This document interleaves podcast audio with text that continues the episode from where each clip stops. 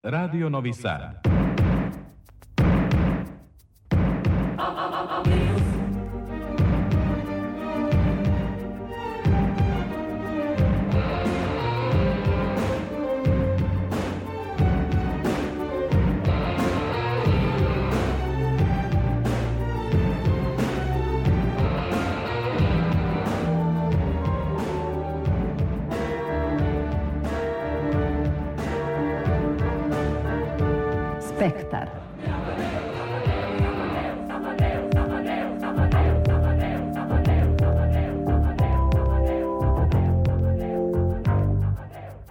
Spektar.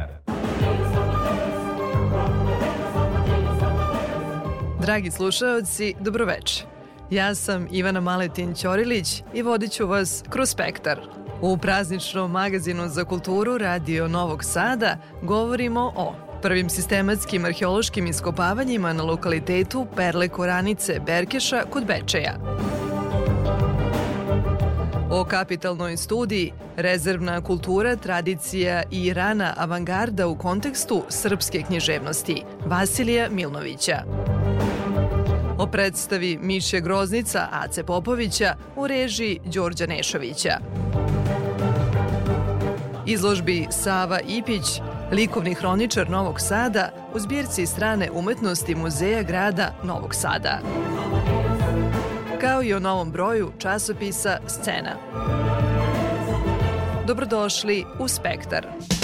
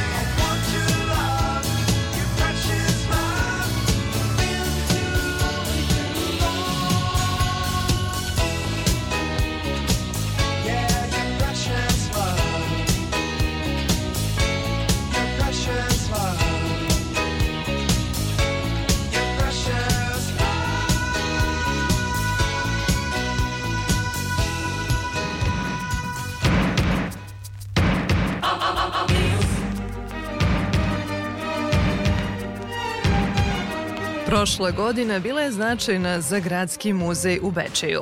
Započeta su prva sistematska arheološka iskopavanja na lokalitetu Perle Koranice Berkeša kod Bečeja.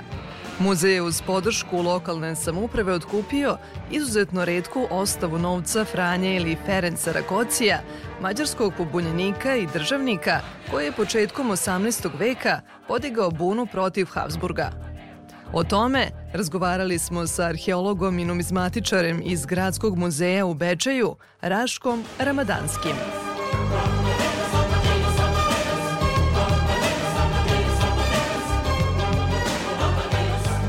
Prvi put na lokalitetu Perle Koranice Berkeša kod Bečeja rađena su sistematska arheološka iskopavanja. Do kakvih saznanja i otkrića ste došli? Prvi put su sprovedena na tom potezu prava sistematska iskopavanja.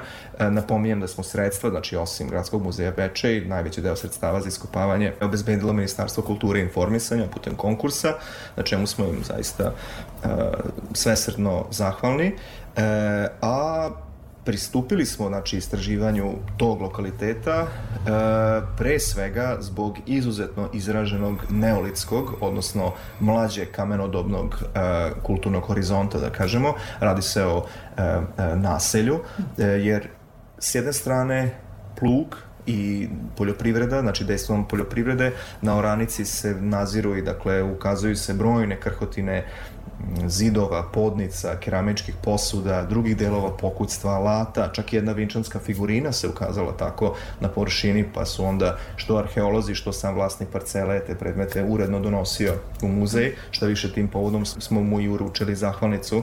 E, I, dakle, pre svega, želeći da m, sagledamo bolje taj neolitski e, e, horizont na lokalitetu, e, ali očekujući i druge periode, E, mi smo dakle sproveli ta, ta iskopavanja.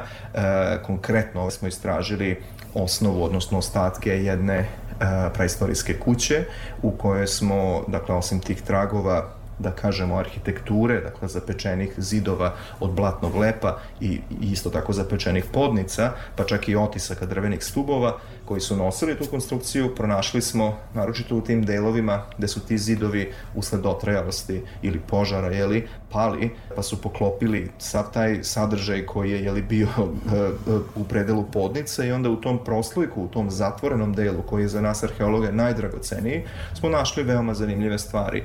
Mm, ulomke keramičkih posuda od kojih su neke, da kažemo, i cele, iako su slomljene, različite alate, dakle, bilo da je reč o sekiri od glačanog kamena ili različiti manje specializovani kremeni noževi od okresanog kremena kojim se obrađivala po svoj prilici kost i belo kost, jer smo u istom tom, da kažemo, sloju pronašli poluobrađene kljove vepra, rogove srndaća, brojne druge životinske kosti, ali između ostalo... Stare koliko godina u proseku? Pa, pa reč je o, recimo, onako, okvirno petom milenijumu pre nove ere.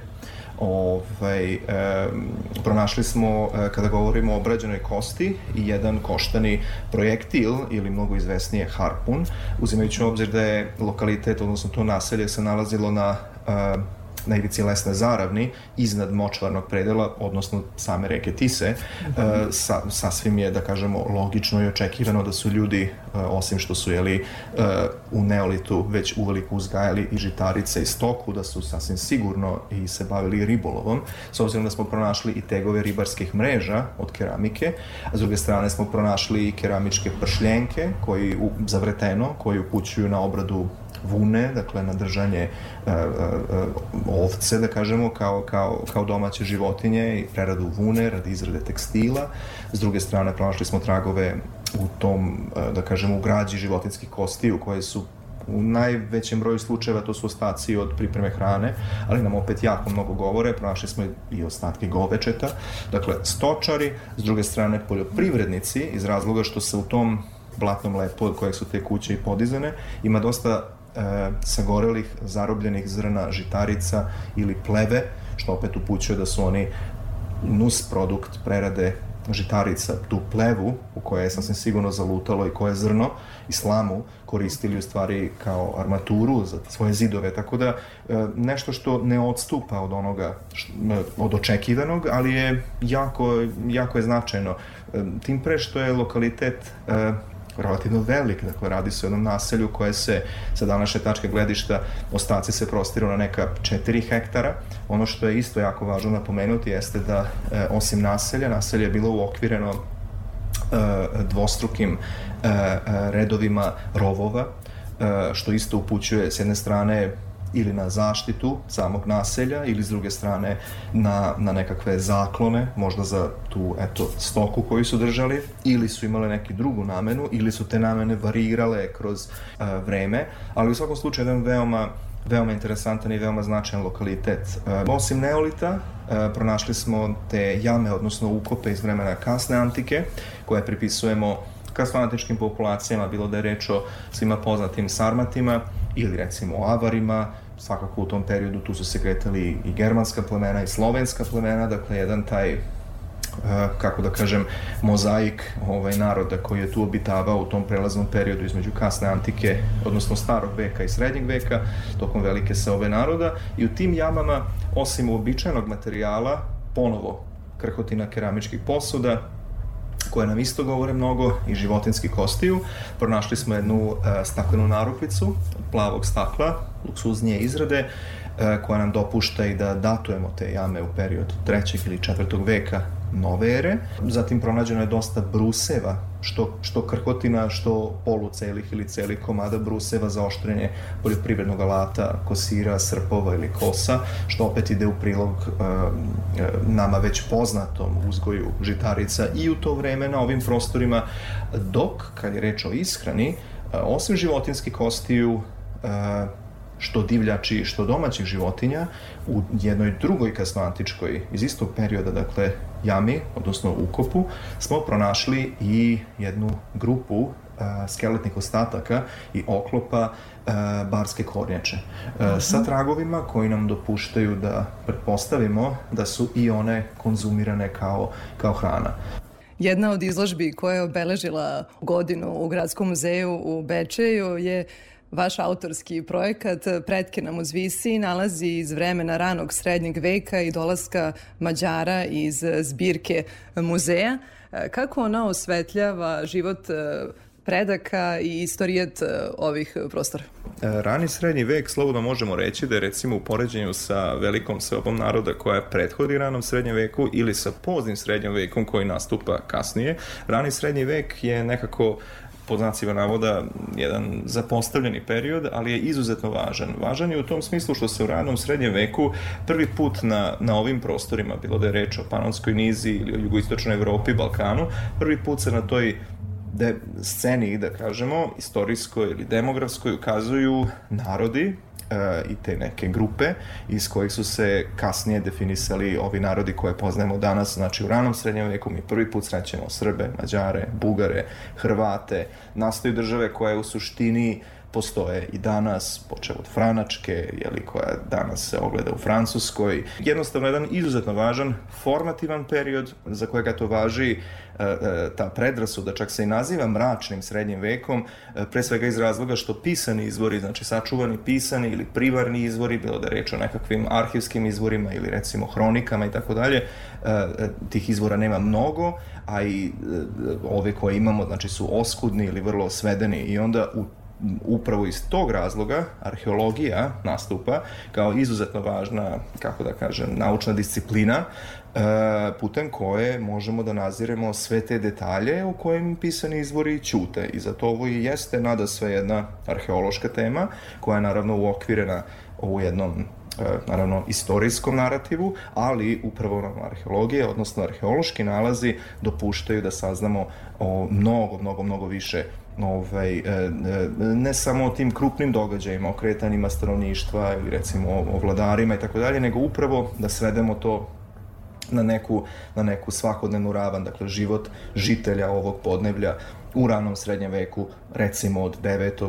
10. ili od 9. do 11. veka, njihova svakodnevnica, zanatstvo, robna novčana privreda, e, čak možemo da nazirimo i neke druge nematerijalne stvari poput pogrebnog obrazca kroz kojeg možemo da tumačimo i religiju, narodna verovanja i tako dalje. A Kako ste e, tu ideju realizovali, uobličili postavku, koristili ste i digitalne tehnologije i otišli korak dalje kada je u pitanju predstavljanje muzejske zbirke?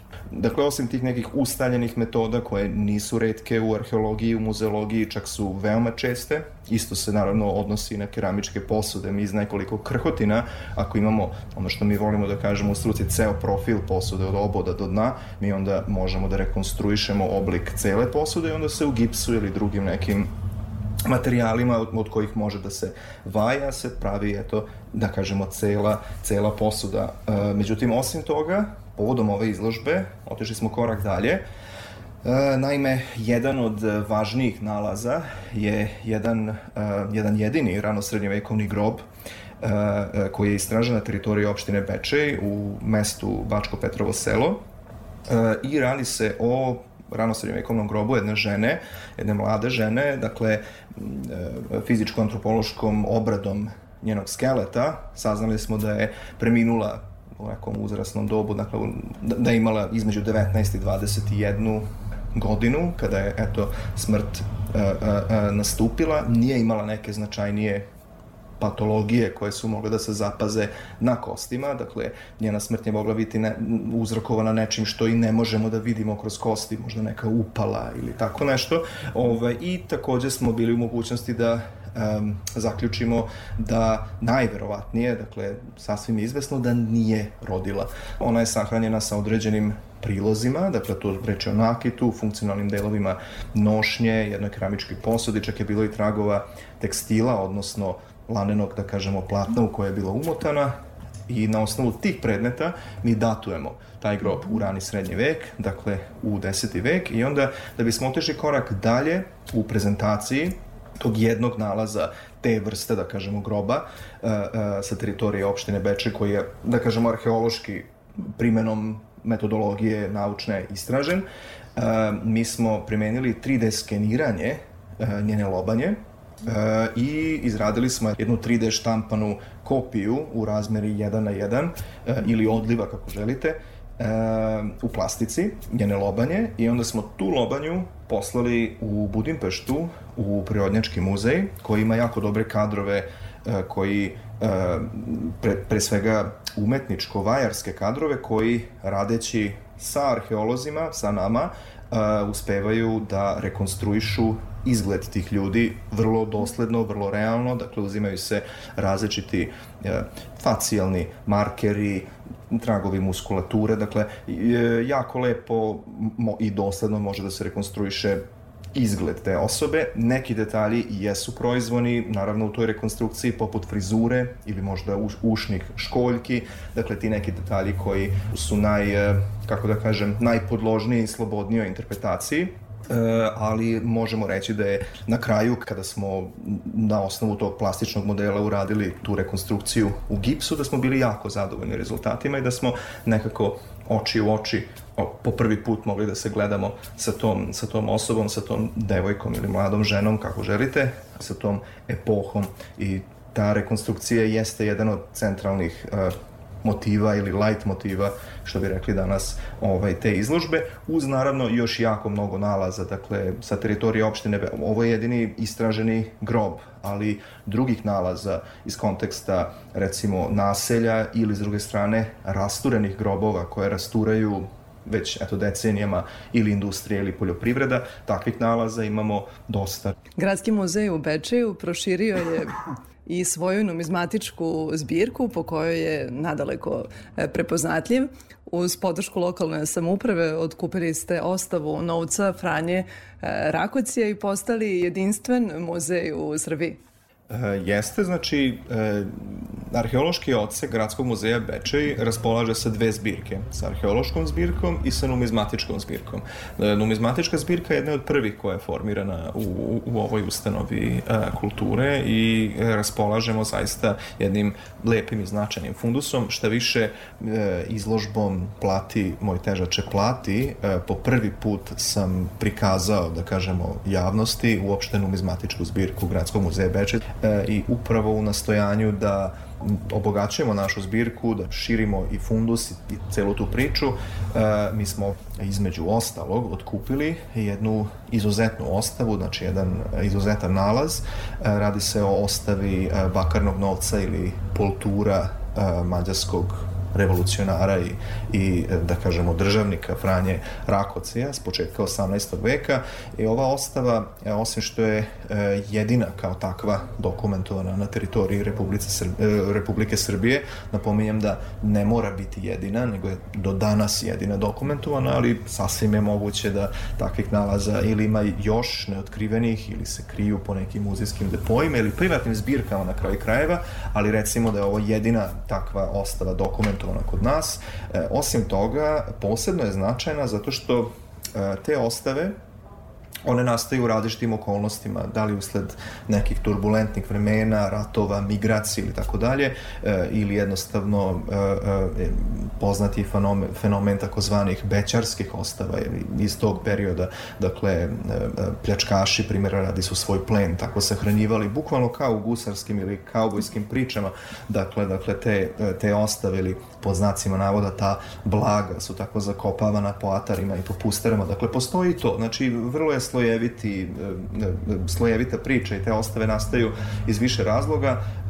E, međutim, novac koji se nalazi u tim ostavama, znači na tom novcu, osim što naziremo, odnosno saznajemo o kojim vladarima je reč, o kom je periodu reč i, i tako i o drugim detaljima, jedna, jedan od važnih pokazatelja su te sigle ili oznake kovnica gde je taj novac iskovan. I to je nama posebno važno zato što na taj način možemo da naziremo koje su kovnice novca, da kažemo na nekoj teritoriji ili u nekoj zemlji, u nekoj državi e, e, e, podmirivale novcem određena tržišta. Jako je zanimljivo što ova ostava, e, s obzirom da ima više dokumentovanih, odnosno mnogo dokumentovanih ostava novca Rakocije širom Karpatske kotline, znači od Slovačke preko Mađarske i Rumunije, e, pa eto i ova jedna kod nas, ali jako je važno napomenuti da se samo u ovoj našoj ostavi nalaze kovanice koje imaju sve četiri oznake kovnica. Dakle, novac je kovan u Mukačevu, u današnjoj zapadnoj e, Ukrajini, e, zatim u e, Baj Mare, u današnjoj Rumuniji, u Kremnici, u današnjoj Slovačkoj i u, i u mestu koje se zove Košice, isto u današnjoj Slovačkoj. Ceo region. Bukvalno ceo region i ova ostava je za numizmatičare toliko važna jer samo u njoj srećemo sve, sve četiri kovnice i tim povodom su ispoljili veliko interesovanje za ovom ostavom e, moje kolege numizmatičari iz vodećih ustanova kako iz Slovačke, tako, tako iz Mađarske i e, moja je želja da u što bliže budućnosti e, e, pripremim jednu e, izložbu ponovo e, multimedijalnu, kako da kažem, čak možda interaktivnu, ali samo vezanu za, za uh, tu ostavu. Hvala puno što ste pružili slušalcima Radio Novog Sada detaljan uvid i na energiji i znanju koje svakodnevno ulažete i želimo vam da najđete na još veću podršku i da i buduće ideje uspešno realizujete. Hvala vam od srca i eto hvala vam što nam pružate platformu eto gde i naš glas može da se čuje.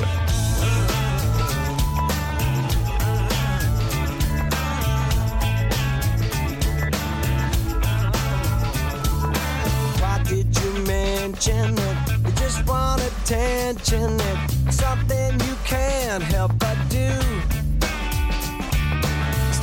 You helping me, you're looking for sympathy. So hold that thought and keep it on the lock. I'll be happy to talk when you know what you want to do. Start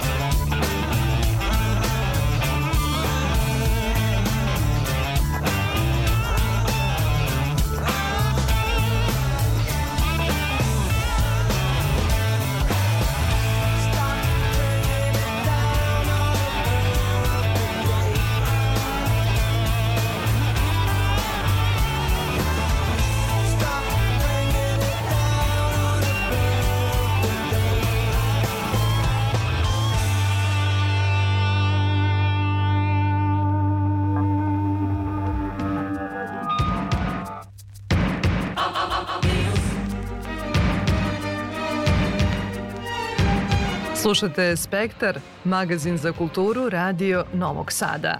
Vasilije Milnović, istoričar i teoretičar književnosti i kulture, objavio je u službenom glasniku Kapitalnu studiju Rezervna kultura, tradicija i rana avangarda u kontekstu srpske književnosti.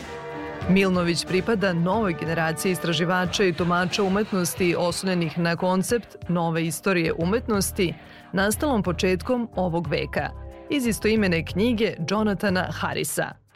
Nova teorija kulture dekonstruiše instituciju remek dela na kojoj počiva klasično tumačenje. Briše granicu između visoke kulture i kulture masa. Takvim pristupom otkrivaju se nizovi kulture koji su bili zapostavljeni unutar schema nacionalnih kulturalnih kanona. Sa Vasilijem Milnovićem razgovarala je Tatjana Novčić-Matijević. Kada knjigu nazovete rezervna kultura, a onda tek negde, nije baš pod naslov, ali paralelni naslov, tradicija i rana avangarda u kontekstu srpske književnosti. Rekla bih da vam je cilj da fokus stavite na kulturu iz artefakata iz književnosti i ovo izgleda, usuđujem se sad da kažem, knjiga koja je kao kamen pala u jedno jezero i napravila talase. Ili za očekivati je, ne samo u stručnoj javnosti, da izazove talas. Hvala vam na tim rečima, ovaj, to bi bio sasvim avangardni princip da napravi svoj vrstni ekses. Meni bi bilo drago jer bi onda to značilo da je ova kultura ne samo živa, nego da ima ozbiljne namere u budućnosti i to bi bilo jako dobro. Da, rezervna kultura je ponešto ciničan naziv. Zapravo, čitava avangarda je konstantno kroz vreme bila na različite načine potiskivana, prećutkivanja, kooptirana i tako dalje.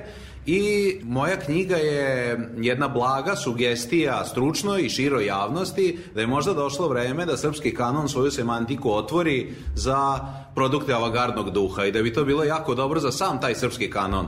Jer paradoksalno, upravo ti proganjani i prećutkivani avangardisti sada na njihovi artefakti na parijskoj berzi umetnina dostižu nepojmljive cifre. Stranci su izuzetno zainteresovani za produkte srpske avangarde. Više od 80% stručnih poseta Narodnom muzeju Srbije se tiče zenitizma i zenita.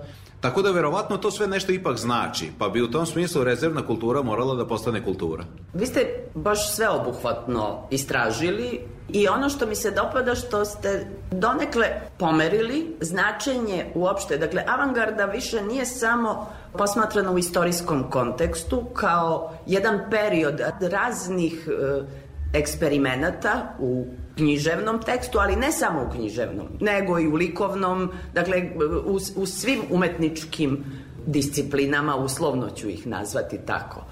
Da je avangarda u stvari duh koji Tako je. traje. Tako je. Da je to ono što je revolucionarno u književnosti, u umetnosti i da je moguće izvući tu diahronijsku liniju sve do današnjih dana. Dakle, da ne govorimo o nečemu što je završeno, o nečemu što je bilo referisanje na pređašnju avangardu, pa sada već danas referisanje na ono što imenujemo neoavangardom, nego da naprosto ta žila potrebe za umetničkim prevratom traje. To jeste u opozitu sa onim što jeste kanon nacionalnih kultura, usuđujem se da kažem, ali je ustanovljeno je, Tako je. remek delo. Tako je. Ne postoji u posmatranju avangarde, ne postoji sintagma remek delo. Tako je. U sintagmi tradicija i avangarda ključna reč je i. Dakle, tradicija i avangarda su sistole i dijastola umetničkog postojanja i umetničkog izraza.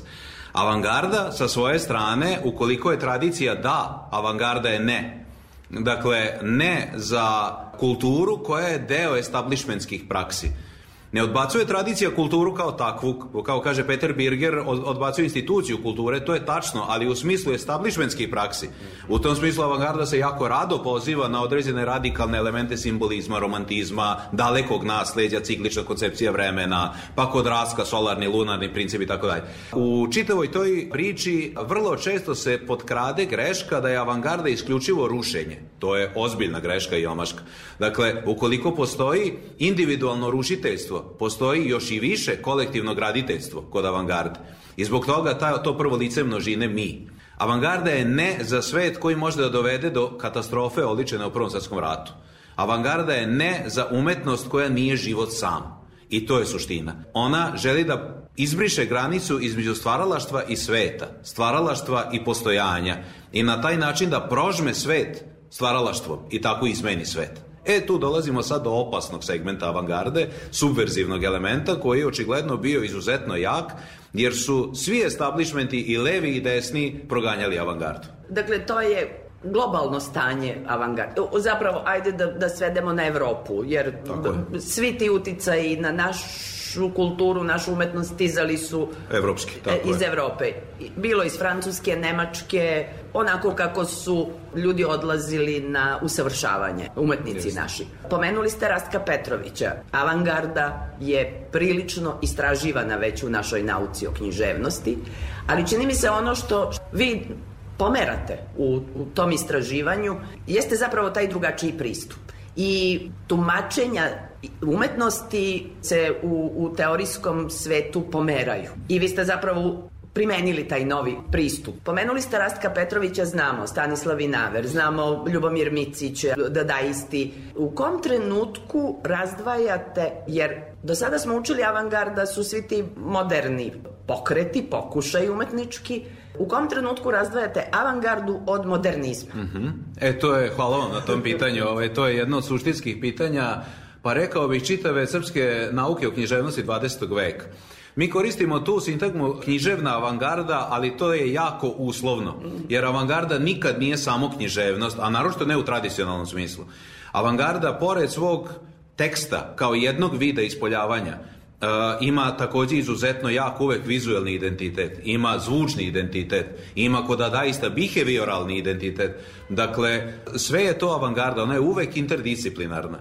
I u toj uh, čuvenoj podeli na nove i stare, ili mlade i stare, Pre svega se misli na 1911. godinu kada se pojavljuju utopljene duše Vladislava Petkovića Disa sa jedne strane i antologija novije srpske lirike Bogdana Popovića sa druge strane i kada je otpočeo neverovatan kanonski rat mladih i starih, nekako se potkralo da niko nije obratio pažnju na to da u tome što se naziva modernizmi zapravo imamo jako različite stvari i da ne možete svoditi na isto ne znam, Ljubomira Micića i Dušana Vasiljeva, na primjer. Dakle, postoji jedan moment koji sam ja u knjizi naveo, a koji bi se možda mogao odrediti kao početak rasapa između avangarde i modernizma. Ovo avangarda i modernizam uslovno, pre svega bolje je reći između radikalne umetničke prakse i modernističke reinterpretacije tradicije. A to je moment kada se u Zagrebačkoj kritici Begovićevoj uh, jedan broj biva posvećen Beogradskoj literarnoj zajednici Alfa i Tajslav Vinaver je gost urednik tog uh, broja I on e, na jednom mestu, kako se to onda govorilo, ima, postoji jedan manifest oglas gde a, svi a, pripadnici Beogradske literarne zajednice Alfa odriču bilo kakvu mogućnost saradnje sa Ljubomirom Micićem. Naravno da će i Micić odgovoriti jer taj je odgovarao svakome. Ali suština je da se tu desio jedan, desila jedna tačka koja će podeliti čitav taj konglomerat izama. I onda 1921. i 1922. na primer Miloš Crnjanski objavljuje Stražilovo jednu modernističku reinterpretaciju brankovske ideje lirike Srema i tako dalje, a sa druge strane 1922. godine Rasko Petrović objavljuje spomenik ili na kraju te iste godine otkrovenje, što je besna avangarda. Dakle, u tom smislu ta razlika Postojaće i kasnije, na primjer 1928. kada Marko Risteć objavljuje Bez mere i 29. kada Crnjanski objavljuje prvu knjigu Seoba, takođe modernizam par excellence. Ta razlika će postojati i mnogo kasnije. Na primjer u okviru mlade srpske proze, onoga što teoretičari zovu mlada srpska proza, to je, dakle, ajmo reći početak 80. godina, Imate među njima one koji će više da idu ka eksperimentu i potpunom odbacivanju tradicije u smislu establishmentske prakse, dakle da nastave put istorijske avangarde, na primer Sava Damjanov, dok sa druge strane imate i one koji će više biti usmereni na jedno novu reinterpretaciju ovog puta postmodernističku ili reinterpretaciju tradicije. Mislim da je po nas danas bitniji taj rasap od onog na stare i nove koji je iz današnje perspektive podrazumevajući. I kada govorimo o rasapima. Rekla bih da su oni još prisutni u srpskoj književnosti, u toj delatnoj strani. Mi vidimo da mi ih možda nepravedno označavamo kao klanovi, ali oni suštinski jesu iz potpuno drugačijeg odnosa prema književnom tekstu. Ili, ajde, prema tekstu, možda još preciznije, prema onome što šta jeste taj tradicionalni tok u srpskoj književnosti, kanonski, ali i onome što jeste taj da ga nazovemo alternativni mm -hmm. naspram ovog kanonskog, a koji podrazumeva te eksperimente i izazove rastakanja onoga što jeste kanonizovano u srpskoj književnosti. Da. Jel stoji ova da, da, kako ne. teza, pitanje, uslovnost. Da, s tim što je ona uokvirena, čini mi se u današnjem vremenu, jednom opštom sivom zonom, jednom politikom pristajanja. Mi svi pristajemo na dovoljno dobro. Ne mislim na politički segment, nego generalno pristajemo na dovoljno dobro. Danas svi mi, da kažem, relativno pristojno živimo. Dakle, u smislu nismo gladni, nismo žedni. Iako, nažalost, i toga ima ali a, mi svi pristajemo na dovoljno dobro i time zapravo da, dajemo određenu dodatu vrednost establishmentskim praksama. Opet ne mislim na nužno svakodnevnu politiku, nego establishmentskim praksama kao takve. To ne bi bio duh avangarde. Dakle, danas a, avangarda pomalo ćuti, pomalo je nema, I, ili je nevidljiva. Ili je nevidljiva. Ja bih čak rekao da će ona biti veoma merodavna za vreme ispred nas. A mi smo počeli, taj proces je otpočeo i mi smo u njemu. Ne znam koliko će dugo trajati taj proces, ali znam da je on irever, ireverzibilan i da kada se završi, ovaj sve će biti potpuno drugačije mesto. Dakle, ono da da ističko vidimo se za 100 godina možda ima smisla, prošlo je 100 godina, mislim da treba još malo. Hvala.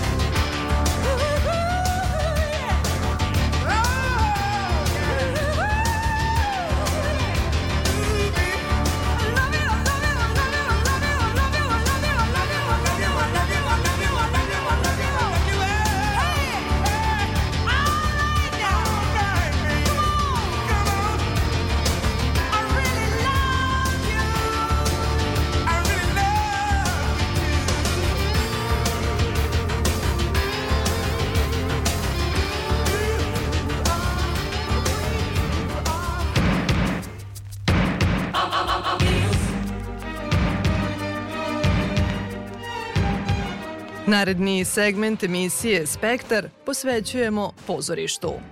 Predstava Mišja Groznica u režiji Đorđa Nešovića premijerno je odigrana u Srpskom narodnom pozorištu. Privukla je pažnju publike nesumnjivim glumačkim kvalitetom, ali i samom činjenicom da je naše najstarije pozorište poklonilo poverenje mladom reditelju, koji je na njegovu scenu vratio Aleksandra Popovića. Sa njim je razgovarala Isidora Bobić. Do sad si režirao predstave po raznorodnim tekstovima, od Molijera preko Brehta pa i do Filipa Grujića, znači i savremena književnost, evo sada Aleksandar Popović. Koliko je bilo zahtevno da se jedan mladi reditelj uhvati u koštac sa jednim od najplodonosnijih dramskih pisaca naših. Šta je bilo to što je bilo zahtevno i kako si pristupio ovom komadu? Uglavnom biram tekstove koji me na neki način uzbuđuju i provociraju. To je u principu uvek različito. Nekad je to pre svega m, mm, možda žanrovska odrednica, možda sam pisac, možda tema o kojom se bavi taj komad. Najčešće zapravo jeste tema komada, ali evo imamo slučaj Aleksandra Popovića gde je takođe i u ovom komadu Miše Groznice jako me pre svega isprovocirala ta tema, ali i jezik Aleksandra Popovića, njegov stil pisanja i uopšte cela njegova poetika specifična posebno za našu istoriju drame. Potrebno je naći pravu meru i način kako otključati njegove drame, njegove scene, likove i To je stvarno ogroman i jako težak zadatak. Tek kada sam ušao u proces i pogotovo kad smo stali na scenu nisam uopšte bio pre toga svestan koliko je to težak zadatak, ali su me naravno ljudi na to upozoravali i pričao sam i sa kolegama i svi su uvek govorili da su njegova dramaturgija da je jako teška za postaviti na scenu. Šta je bilo ključno u dramatizaciji što misliš da je iznelo predstavu na, na pravi način u tom odnosu i dramaturškinje prema tekstu i vašoj saradnji? Mislim da je naš glavni zadatak bio da se odredimo čemu je taj tekst i o čemu je predstava, što je u njeve, što je vrlo karakteristično za njegovu poetiku da on uh, u okviru jedne rečenice koja bi bila fabula, uh, osnovna radnja komada koja je vrlo jednostavna i jasna, ima hiljadu i jednu podradnju, podtemu, digresiju, obrte, ali sve to u globalu pravi jednu sliku. Mi smo nekako morali da se odredimo koju ćemo e, priču da ispričamo sa svim tim e, digresijama, sa svim tim promenama, podtemama. To se najviše odnosi na e, taj kraj i kako se cela ta situacija razreši ili možda čak i ne razreši, što se nadam da smo na neki način uspeli. Šta misliš da je ključno što može da uspostavi analogiju Mišije Groznice sa sadašnjim trenutkom? E, komadi Aleksandra Popovića, oni su vezani za jednu epohu i za jedno vreme koje je bilo a, nekada, ali ako otklonimo te vremenske odrednice, ako otklonimo što su specifikumi neke epohe i nekog vremena, mi ostajemo u nekom jezgru balkanskog mentaliteta, ostajemo u tom pozorištu iracionalnog, ali ne samo pozorištu, već u iracionalnoj ljudskoj svesti. To se ne menja. Mi to prepoznajemo i u Nušićevim komadima i u komadima Jovana Sterije Popovića i kod uh, Ace Popovića. Uh, prosto svi e, naši komediografi su se bavili balkanskim mentalitetom i balkanskim čovekom. Kažem, usud umetnika sa ovih prostora, prosto ono, teško je pobeći od te teme. Tako je, teško je pobeći od te teme i ta tema je na neki način uh, uvek aktuelna, jer to jeste nešto što je jako karakteristično za uh, nas Balkance. Komadi Popovića uh, u većoj ili manjoj meri uvek imaju veze sa balkanskim čovekom, ali opet ono što je specifično za Miši Ugroz železnicu, tu je jedna jako, jako je bitna ta e, društveno e, politička jedna okolnost u kojoj se ti likovi nalaze, e, to stalno pitanje između mira i nemira, šta je danas mir, šta je danas nemir, da li je to, uh, možda to više nisu ratovi, ali mi stalno živimo u, evo, u 21. veku, uh, hvala Bogu, nije bilo uh, ratova kod nas, nažalost imamo dva svetska rata koje se trenutno vode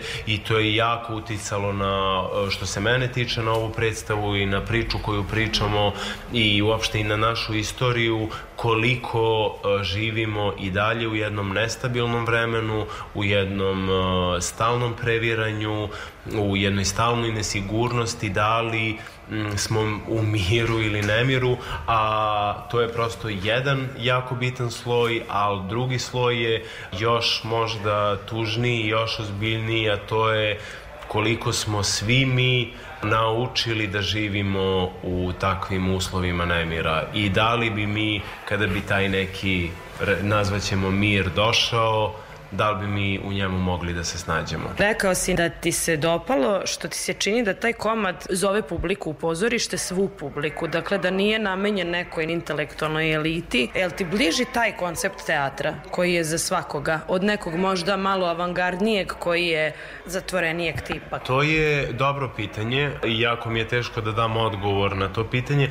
Pre svega ogradit ću se na celu poetiku Aleksandra Popovića koja je sigurno vezana za široke narodne mase u najpozitivnijem smislu i prosto dela Aleksandra Popovića može da razume svako, blizak je balkanskom mentalitetu. Ono što je jedna posebna priča jeste kako bi njegovi komadi mogli da se pročitaju negde van Balkana u nekom drugačijem mentalitetu, ali to je druga, druga priča. Nisam siguran da mogu da dam odgovor na to pitanje jer me to uh, podjednako uh, interesuje I, I to je odgovor. Da, I to je odgovor zapravo, ali mislim da uh, se uvek, da nekako ta granica možda ne mora ni da postoji, jer dobra predstava je dobra predstava, loša predstava je loša predstava. Predstave koje komuniciraju sa publikom, one komuniciraju sa svakom publikom. Možemo neku analogiju da napravimo rad mladog reditelja u Srbiji i negde u inostranstvu ako si imao iskustva. Ovo je moj treći profesionalni projekat. Prvi je bio u Kragujevcu, a drugi bio u Sloveniji u Novoj Gorici i ovo je treći u Novom Sadu. Ono što sam kao mlad reditelj primetio jeste velika razlika uh, kod nas i u Sloveniji, ali verujem i u, uh, na zapadu generalno je u Evropi. Prosto položaj mladog reditelja uh, je drugačiji. Prosto mislim da je situacija u Srbiji dosta teža. Ja na moju sreću trenutno imam prilike da radim ovo je uzorak samo od godinu dana i imam i neke projekte koji su e, planirani za e, narednu sezonu, ali mladih reditelja ima dosta i prosto ne dobijaju svi priliku i jako su teške okolnosti u kojima se radi. Generalno se malo ulaže u pozorište, što je vrlo razumljivo, institucije daju prilike proverenim rediteljima, proverenim piscima i mislim da je i ovo jedna vrsta rizika Srpskog narodnog pozorišta jer je došao mlad reditelj, izabrao uh, nepoznat tekst poznatog pisca za kojeg važi da je jako težak i da su posebno ti njegovi manje poznati tekstovi teški za, za postavljanje i zahvaljujem se Srpskom narodnom pozorištu koje mi uopšte dalo priliku da radim. Mislim da uh, pozorišta treba da otvaraju vrata mladim ljudima. Mladi će sigurno doneti neki novi ugao i neki novi doživljaj pozorišta koji je trenutno neophodan. Da. Hvala ti mnogo što si govorio za Radio Novi Sad. Hvala, hvala najlepše. Dođite na predstavu i nadam se da ćete uživati.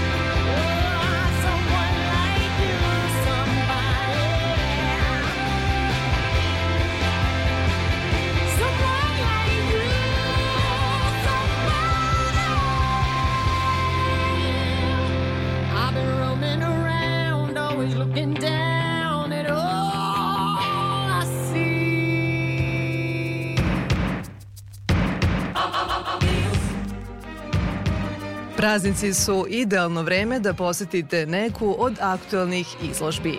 Novosadski slikar Sava Ibić bio je tih, introvertan i neupadljiv, kaže kustoskinja muzeja grada Novog Sada Diljana Lazić, baš onakav kakav je i karakter njegovog umetničkog dela. Na izložbi povodom 130 godina od rođenja i 45 godina od poslednje izložbe u Novom Sadu, stvaralaštvo Save Ipića predstavljeno je u 70 slika i crteža u muzeju grada u Dunavskoj ulici. Godišnjica je prilika da se javnost podsjeti na delo Save Ipića i naklonost koju je negovao prema svom gradu. Kaže u razgovoru sa Aleksandrom Rajić, kustoskinja Ljiljana Lazić.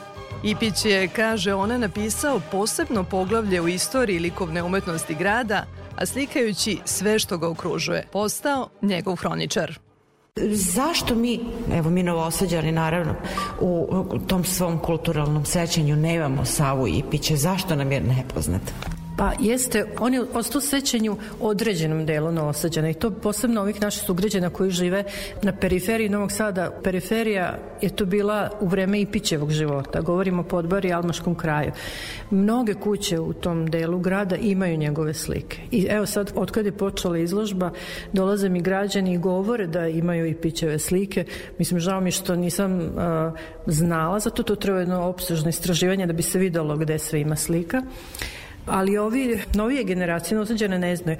Ima više razloga za to. On nije spadao u tu neku prvu klasu umetnika u koje možemo da ubrojimo Milenka Šerbana, Bogdana Šuputa, Konjovića i drugih slikara koji su zvučna imena i dan danas, jel? njegovi savremenici naravno, nego je uvek nekako bio skrajnut od, i od kritike i od tog nekog, kako bih rekla, javnog života. Iako je mnogo izlagao i na, ima i samostalne i izlagao i na grupnim izložbama. I imao je svoj stil, nije se, opirao se tuđim uticajima, možda i to je jedan od razloga, A novije generacije ga ne znaju jer njegove e, izložba njegovih slika nije bila od 1979. kad je poslednji put bila na Radničkom univerzitetu. To je znači četiri po decenije i normalno da se ne zna. Kad su u pitanju institucije, njegove slike se nalaze u Novom Sadu samo u Muzeju grada Novog Sada i u Galeriji Matice Srpske. To su dva velika fonda i evo, u stvari ovo je bila prilika da se bar malo uh, pokaže iz tih fondova plus iz, uh, iz kolekcija privatnih. Znači, na izložbi je ukupno 70 dela, dve trećine su muzejske, a ostalo iz ovih kolekcija koje sam pomenula. Reč je o vrlo uspešnim, dopadljivim slikama, o vedutama Novog Sada. Ima li tu nekih zdanja koje bismo mogli prepoznati? Pa kako ne? To su stvari ona zdanja koja možda više i ne postoje, tako da, zato sam i nazvala Sava Ipić likovni hroničar Novog Sada. Recimo, Klanica, Stara svilara, to nije ova današnja svila. Ova današnja svilara je bila Bojadisaona. A stara svilara je bila blizu Dunava da bi brodovi mogli pristajati i tovariti svilu. Novi Sad je bio velik centar proizvodnje svile. Znamo da su dudovi bili gajeni širom grada. Zatim su tu ove ulice, recimo ulica Marka Miljanova koje ne liče sad na sebe ili ovo zadnji deo iza Almaške crkve. I to su jedini delovi možda koje sad još nekako odolevaju novogradnji. I zato su tako ovaj, imaju tu neku nostalgiju i bude sentiment kod publike. Sa druge strane imamo ovu njegovu ljubav prema prirodi, okolini Novog Sada, To su znači predeli Fruške gore, naravno Dunav je uvek u centru. Fruškogorska sela, Karlovci, Ledinci, Ribarsko ostrvo, Vrbaci oko Dunava. I uvek su to slike bez figura. Nije voleo da slika figure u pejzažu. Kad su u pitanju figure, to su onda bili portreti. I zanimljivo je da je više portreta radio pre drugog svjetskog rata nego posle. I još jedan važan motiv, da, da kažemo tematski, je, su autoportreti. On je imao tu jaku introspekciju da posmatra svoj lik, okrenut sebi, uvek je bio ozbiljan, oštrih crta lica, jedno lice je imao zahvalno za crtanje. I to se vidi ovde na izložbi jer je mnogo autoportreta izloženo. Šta još znamo o Savi Ipiću, a ne zna šire javnost? On je rođen novosađanin, rođen u današnjoj Tekelino ulici, posle žive u ulici Filipa Višnjića, znači ceo životni vek je proveo na Podbari. E, školovao se u Beogradu prvo, u toj prvoj generaciji nakon velikog rata, S njim su studirali recimo Pomorišac, Zora Petrović, e, Sekulić, Zdravko Sekulić. Posle je studirao u Beču sa Kostom Hakmanom, sa ovaj, Mihajlom Petrovim, sa, sa kojim je imao dosta ovako jedan zajednički razvojni put, mada je Petrov eto izašao na glas, a Ipić nije, tu, tu je neka razlika. I na kraju je tri godine studirao na Umetničkoj akademiji Krakov, koja je bila jedan od centara moderne umetnosti to vreme u Evropi kod najboljih profesora. Međutim, e, nije diplomirao zbog, e, morao se vratiti u Novi Sad zbog e, bolesti i lošeg imovnog stanja. Ko zna, možda bi ga put na kraju odveo u Pariz koji je želeo da vidi i možda bi njegov likovni razvoj onda tek u nekom drugom pravcu malo, kako bih rekla, sređenijem. Ovako ima, um, to kritičari u stvari kod njega nisu voleli tu neku mešavinu stilova. Bio je nedosledan u tom, nego je slikao po osjećaju kako mu dođe tog dana, on je ili vidimo neke recidive secesije ili postimpresionizma ili jake potezi koji nam pokazuju njega kao ekspresionistu, ali nikad abstrakcija, toga se klonio. Hvala vam na ovoj lepoj izložbi. Hvala i vama.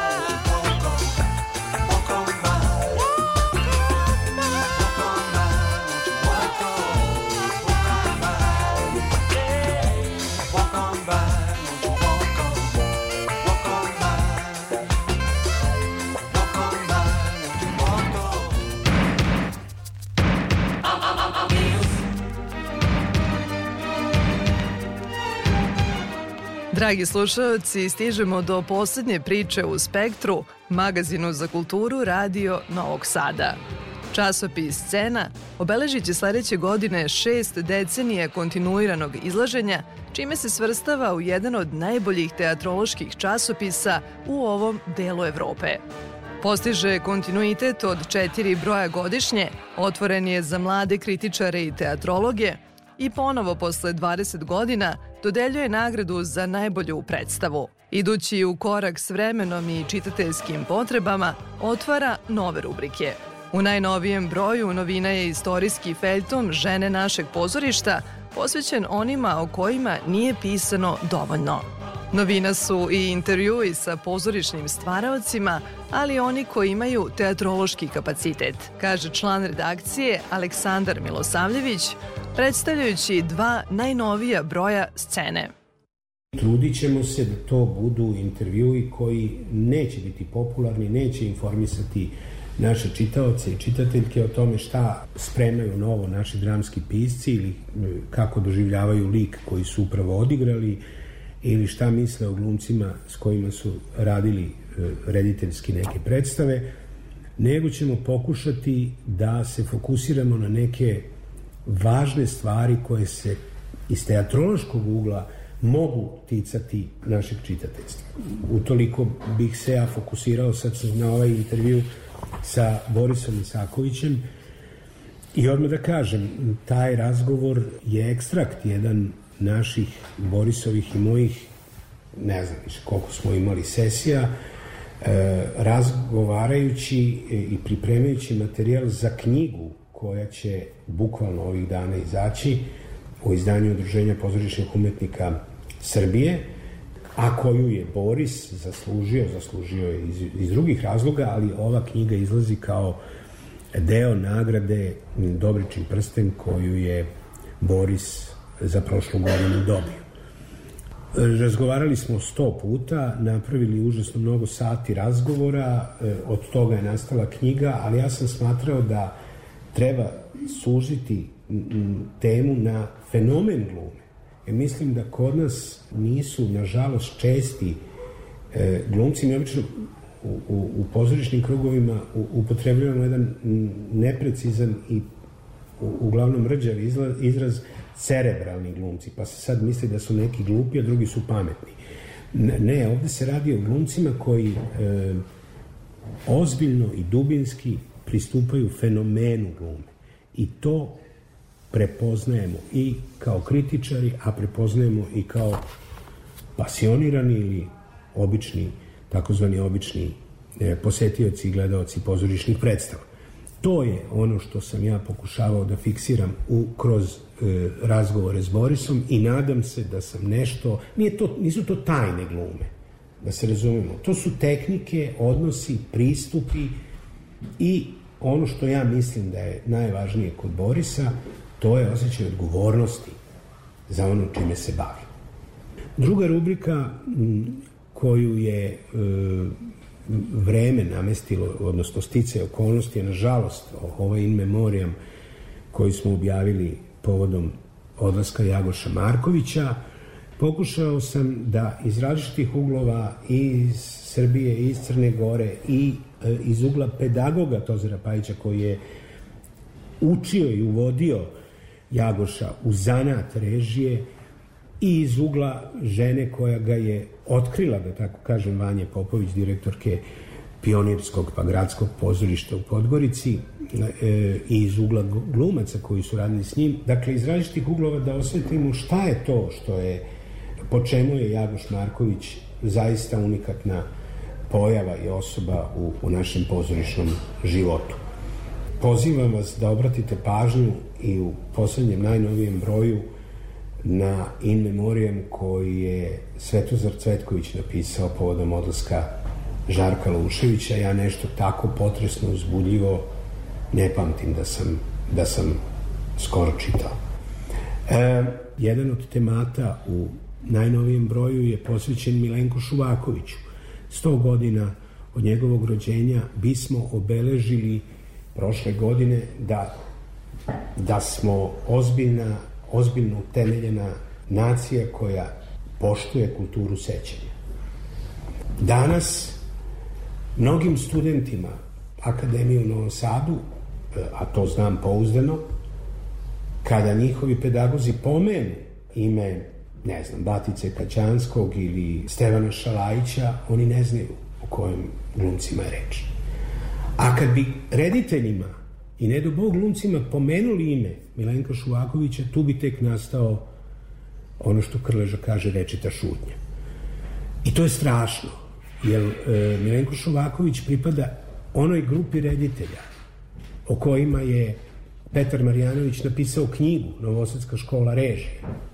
To je grupa reditelja koji su napravili prevrat na tragu Rakitinovom, prevrat ne u režiji u Novom Sadu ili u Srpskom narodnom pozorištu, nego prevrat koji je rezultirao režijama, epohalnim režijama i Mite Đurkovića i Dejana Mijača i tako dalje. Milenko Šuvaković je pripadao toj grupi reditelja. I ne samo reditelja, nego i pedagoga.